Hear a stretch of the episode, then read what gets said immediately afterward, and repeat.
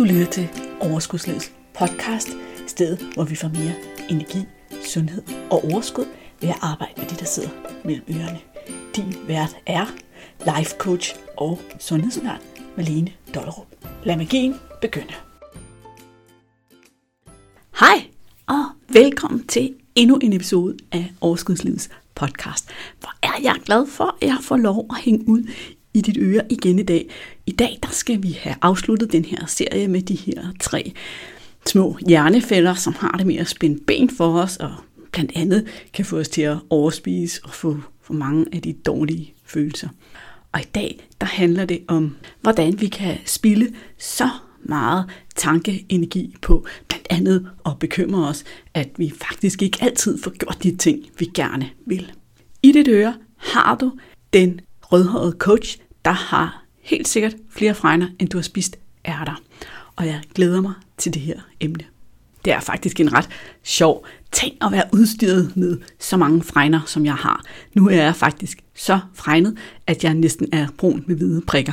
Og det der nogle gange sker, når jeg bevæger mig rundt i verden og møder børn, som jo er åbne og nysgerrige, der er de stopper op og nærmest stiger. Jeg har også oplevet børn, der sådan begynder at tælle og giver fuldstændig op ret hurtigt.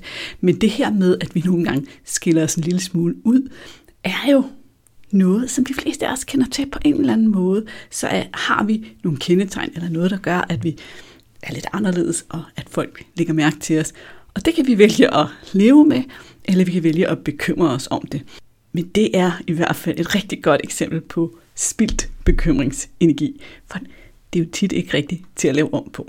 Jeg vil lige pege på, at hvis du efter den her episode tænker, men hvad er de to andre hjernefælder, så er det dem, jeg gennemgår i episode 192 og 193, altså de to podcast-episoder, der ligger før den her. Og dem vil du helt sikkert også have glæde af at lytte til og vende tilbage til, hvis du ikke har noget at høre dem. Så det anbefaler jeg. Jeg sætter selvfølgelig nogle link i episodenoterne. Men i dag, der handler det altså om den her energi, som vi spilder i høj grad på at bekymre os. Men vi spilder den jo ikke altid. Fordi, hvad er det egentlig med den bekymring? Hvad er det egentlig, den skal gøre godt for? Hvorfor er det egentlig, at vi mennesker er så gode til at bekymre os?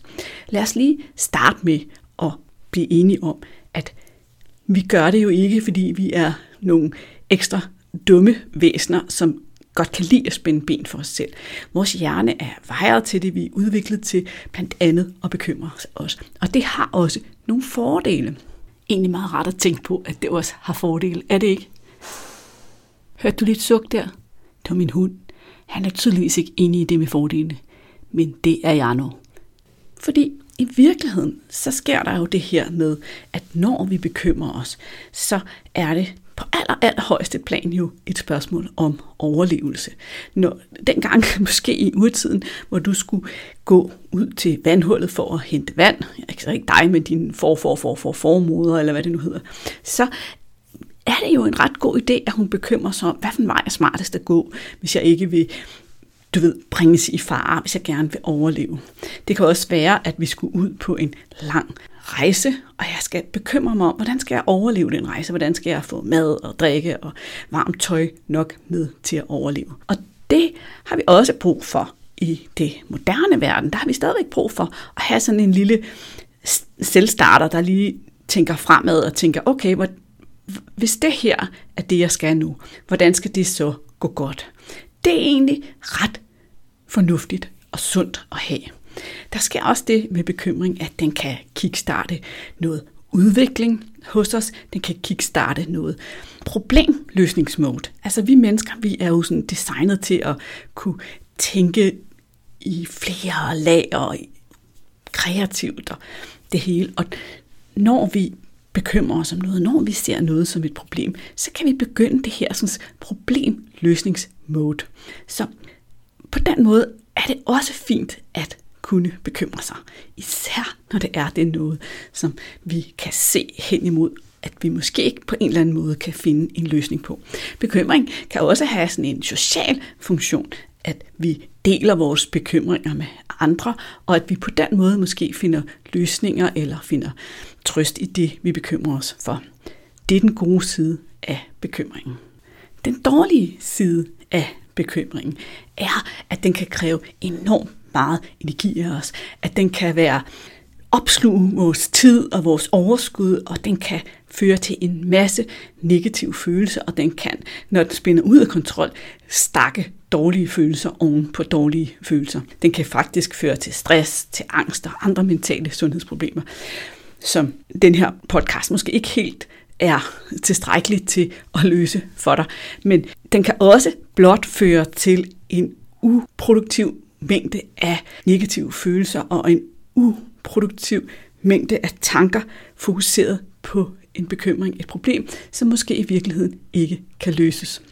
Og her er det jo en rigtig god idé at begynde at finde ud af, hvordan lader jeg være at spille så meget tid på de bekymringer, som koster mig meget energi, uden rigtig at give mig noget. Hvordan lader jeg være at spille min tid på de bekymringer, dem som måske får mig til at stakke de dårlige følelser og dulme de dårlige følelser med mad i sidste ende. Og måske går jeg endda og bekymrer mig om, hvordan jeg nogensinde skal tabe mig, og så kører jeg ind i sådan en dårlig cirkel hvis vi er rigtig dårlige til at håndtere de her bekymringer, så kan det også være, at vi på en eller anden måde gør rigtig meget for at undgå dem eller undertrykke dem, og i virkeligheden skaber langt større problemer for os selv på den lange bane, fordi vi virkelig stikker hovedet i busken. Men vores underbevidsthed, eller lige underbevidstheden, der ved vi udmærket godt, at der er et problem. Og det her med, at vi ikke forholder os til dem, det ender med at skabe langt større problemer for os. Så uanset om vi har den der slags bekymringer, vi går og spinder rundt i og gentager, gentager, gentager, gentager i sådan en uendelig lykke, eller det er bekymringer, som vi undertrykker og lader som om ikke er der, selvom de popper op til overfladen hele tiden, så er det bekymringer, der ikke tjener os, og bekymringer, som vi skal øve os i at håndtere på en anden måde. Jeg har faktisk allerede lavet hele to podcast-episoder om bekymringer, hvor jeg dykker ned i nogle af de teknikker, du kan bruge til at håndtere dine bekymringer med at lægge dem til side, med at sætte tid af til at ligesom stoppe dig selv og stoppe din hjerne og sige, jeg må kun bekymre mig i det her tidsrum, eller smide dem i bekymringsspanden. Og det vil jeg gerne lige henvise dig til. Det er episode 114, der hedder Bekymringer i bekymringsspanden, og så er det episode 149, som har en lidt anden vinkel, fordi den hedder Hvad nu hvis, og det her med, at vi går og spekulerer, hvad nu hvis det her sker, hvad nu hvis det her sker, hvad nu hvis det her sker. Den vil jeg begge to anbefale dig at høre, hvis du på nogen måde genkender det her med, at du godt kan se, at du måske bruger lidt meget tid på at bekymre dig, eller at det fylder for meget, at det tager for meget af din energi og dit humør. Jeg vil selvfølgelig linke til dem nede i episode noterne. Men lad os lige tale om, hvordan du rent faktisk genkender den slags bekymringer, som er tankespil, som ikke tjener dig. De er ret nemme at genkende, fordi hvis jeg spørger dig ind til den bekymring, du har, og jeg spørger dig, er der noget, du kan gøre? Er der noget, du kan forberede? Er der noget, du kan ændre? Er der noget, du kan undersøge? Og svaret er nej. Så er det en af den slags bekymringer, du skal øve dig i at skrue ned for. Vi skal alle sammen øve os i at skrue ned for dem. Det er naturligvis ikke 100% muligt at skrue ned for alle bekymringer.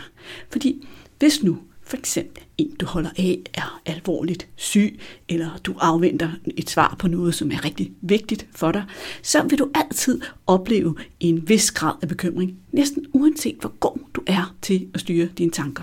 Og det er også okay. Men der er forskel på at være bekymret, og så være opslugt af den bekymring. Og selv de bekymringer, som er store og tunge, alvorlige, dem kan vi ofte øve os i at skrue ned for. Det kan vi blandt andet gøre ved at lige flyve en lille smule op i helikopteren og få et perspektiv på det, som vi bekymrer os om. Rigtig ofte så kan det være et rigtig godt spørgsmål at spørge sig selv, hvor stor er egentlig sandsynligheden for, at udfaldet er godt eller til at leve med i hvert fald. Og i langt de fleste tilfælde, så er sandsynligheden rigtig, rigtig høj. Og så skal vi give den del af udfaldet noget mere opmærksomhed. Fordi vi kan ikke både bruge al vores opmærksomhed på det negative udfald, og så også bruge vores opmærksomhed på det positive udfald. Så en beroligende snak med os selv om sandsynligheden for, at det rent faktisk går godt. Den kan være et godt hjælpemiddel i den situation. Men der findes også bekymringer, som skal have endnu mindre taletid i vores hoved. Bekymringer, som i virkeligheden virkelig spild af energi og på ingen måde tjener os. Det kan jo være bekymringer som, nu skal jeg ud til et arrangement, og hvad nu, hvis ingen vil tale med mig, hvad nu, hvis jeg ikke passer ind, hvad nu, hvis jeg gør noget forkert, hvad nu, hvis jeg laver en fejl, eller det kan være, at jeg skal sige noget til et møde, og jeg tænker, hvad nu, hvis jeg gør noget dumt, hvad nu, hvis det bliver pinligt, hvad nu, hvis jeg fejler. Eller jeg skal indgå i en eller anden sammenhæng og tænker, hvad nu, hvis jeg ikke ser godt nok ud? Hvad nu, hvis jeg ikke har det rigtige tøj på? Hvad nu, hvis der er noget galt med mit udseende? Altså alle de her bekymringer om, hvad andre vil tænke om os, og hvad der kan gå galt i forhold til, om vi passer ind, og om vi gør det rigtige.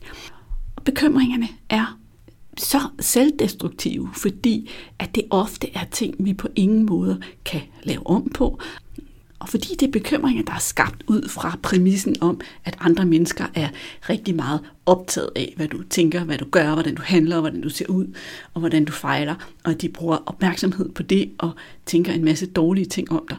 Og for det første, så er det jo sådan, at vi kan ikke styre andres tanker. Vi kan ikke forhindre dem i at tænke dårligt om os, uanset hvor umage vi gør. Så det er virkelig, virkelig spild energi at bekymre sig om det.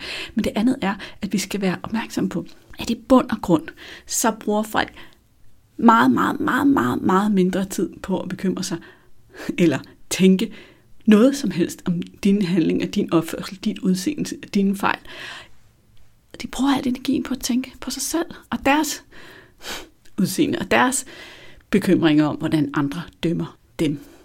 Vi er alt for optaget af vores egne fejl og vores egne indtryk på andre mennesker til i virkeligheden at bekymre os ret meget om, hvad det er for det indtryk, andre mennesker gør på os. I langt højere grad, så skal vi eje den her sandhed med, at hvis jeg er så optaget af, hvad andre tænker om mig, hvordan andre dømmer mig, hvordan, og jeg bruger så lidt energi på at dømme andre og tænke sådan om andre, så har de det måske lige sådan. Så måske ville vi alle sammen få det sjovere, hvis vi gav slip på ideen om, at andre ikke må dømme os, og vi kan slippe på ideen om at dømme andre, og så egentlig øvet os i at tænke, at vi alle sammen bare er mennesker, som gerne vil være sammen med mennesker, som er indrettet som mennesker nu er. Det vil sige, at vi ikke altid kan regne ud, hvad hinanden synes er en god idé og en dårlig idé, og vi kan ikke altid regne ud, hvad der er det rigtige at gøre og sige. Og det gør heller ikke noget. Fordi ingen gider have sammen med det perfekte menneske. Det er et eksempel, eller måske var det endda i virkeligheden mange eksempler på, unødige bekymringer, som kan fylde alt, alt, alt, alt for meget, som kan føre til, at vi forhindrer os selv i at gøre ting, som vi gerne vil, at vi forhindrer os selv i at bruge vores energi og vores overskud og vores tanker på noget, som er langt mere konstruktivt og som kan bringe os meget tættere på det, vi gerne vil.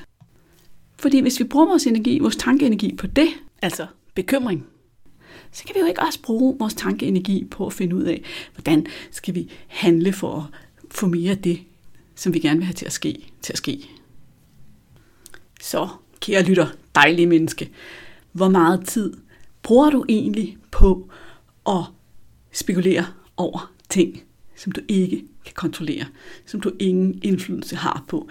Hvor meget tid bruger du på at bekymre dig om udfald, som kan ske, og som sker i din fantasi, men hvor sandsynligheden måske ikke er særlig stor, og uanset om sandsynligheden er stor eller ej, så er det faktisk ude af dine hænder. Og hvad kunne du godt tænke dig at bruge den energi på i stedet for? Jeg vil gerne lige servere dig for en tanke, som i hvert fald nogle gange har støttet mig til at slippe noget af den her bekymring. Eller det er faktisk en kæde af tanker. Men den første tanke omkring bekymringer, det er, at hvis vi bruger meget energi på at bekymre os, så skaber vi jo en negativ følelse inde i os selv med tankerne i form af vores bekymring. Dernæst så ender vi et, på et eller andet tidspunkt i den situation, vi bekymrer os om, og så går det enten godt, eller så går det galt. Hvis det går godt, så har vi brugt vores energi unødigt på at have negative følelser. Vi har været i en ubehagelig situation, alene skabt ved vores egne tanker. En gang. Hvis det går galt, så har vi altså i stedet for at være i en ubehagelig situation i det, det gik galt, været i den ubehagelige situation dobbelt så mange gange, som det var nødvendigt. Fordi når vi bruger en masse energi på at bekymre os, så er det eneste, vi kan få ud af det i de situationer, hvor det ikke er noget, vi kan handle på. Det eneste, vi kan få ud af det, det er en garanti for at føle ubehaget. Mindst en gang, og måske to gange. Derfor, alene derfor, så kan det være en god idé nogle gange at øve sig i at give slip på den bekymring. Det næste, jeg vil sige, det er, at vi kan øve os i at sige til os selv, uanset hvad der sker, så må jeg løse det problem, når det opstår. Uanset hvad der sker, så må jeg tro på, at jeg er fuldt ud i stand til at finde den bedst mulige løsning på det problem, der opstår, når det opstår. Indtil da, så kan jeg ikke gøre andet end at læne mig tilbage i tilliden til, at hvis problemet opstår, så vil jeg finde en måde at håndtere det på på det tidspunkt. Og hvis du tænker tilbage på dit liv, så er det her jo sandt 100% af gangene. Uanset hvad der er sket der. Uanset hvad der er sket af gode og dårlige ting, men især af dårlige ting i dit liv, små ting, store ting, så har du jo fundet en eller anden måde at håndtere det på og komme videre. Det gør vi altid. Det har du gjort 100% af gangene indtil nu. Så det kommer du også til at gøre, hvis det, som fylder op i dit hoved, skulle komme til at ske. Og det her, det er altså uanset om det er en stor og voldsom bekymring, altså dem vi snakkede om i starten, at du måske er bekymret for et udfald af noget, der er meget vigtigt for dig, eller at du ved, du har nogen, der er syge, eller andet, eller om det er de her små ting, så er det her faktisk en rigtig god tanke, at uanset hvad der sker, så må jeg gøre mit bedste til at løse problemet på det tidspunkt, hvor det opstår. Det var de to tanker, som jeg vil opfordre dig til at låne eller adoptere og tage med dig og prøve af i forbindelse med forskellige former for bekymringer. Nogle gange så kan vi godt have bekymringer, som er så store og så tunge, at vi har brug for at dele dem med nogen. Dele dem med en, vi stoler på. Dele dem med en ven, en partner, en, der er tæt på os.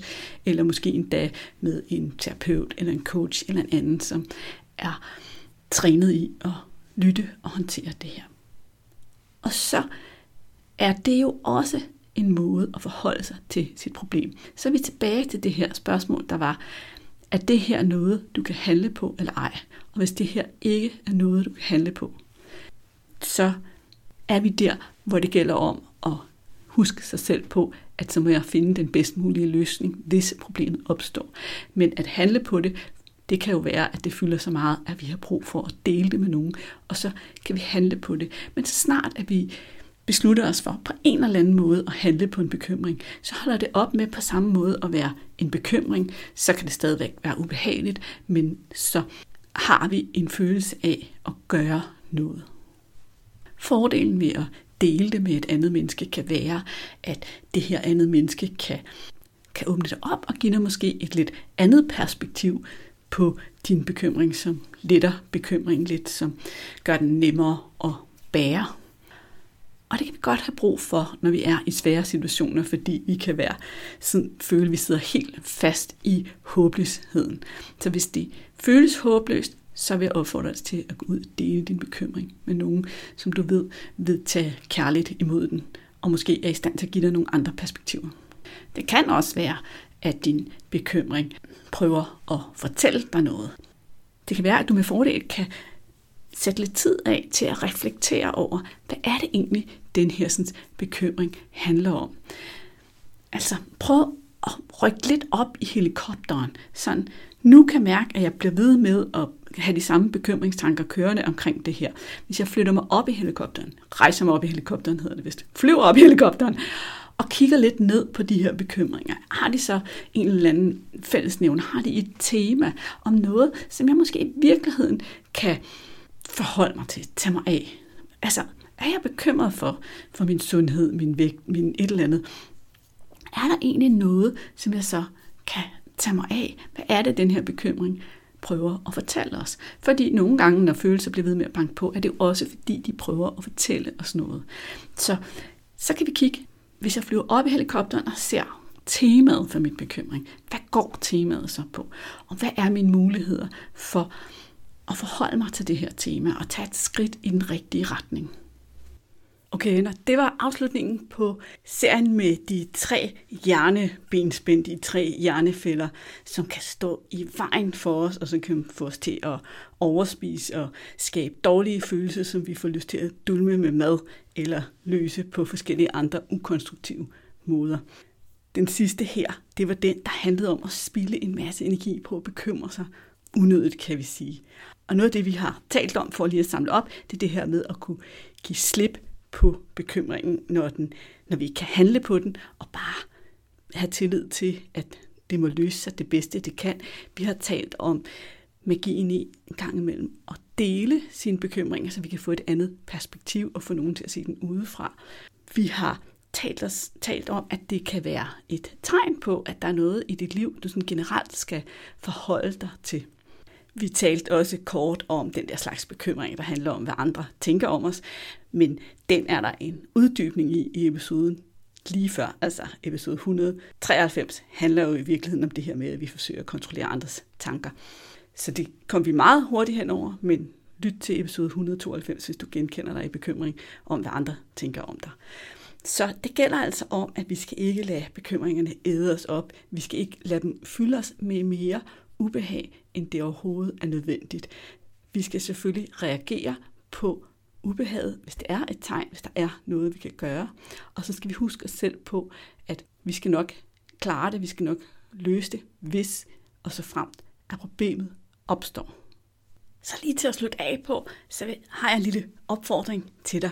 Kender du måske en eller flere, der egentlig er gode til at bekymre sig? Nogle af dem, der måske giver udtryk for det, eller du kan mærke det på dem, at de har det med at gå og gruble og bekymre sig. Vil du så ikke gøre mig og den person, ham hende, en tjeneste?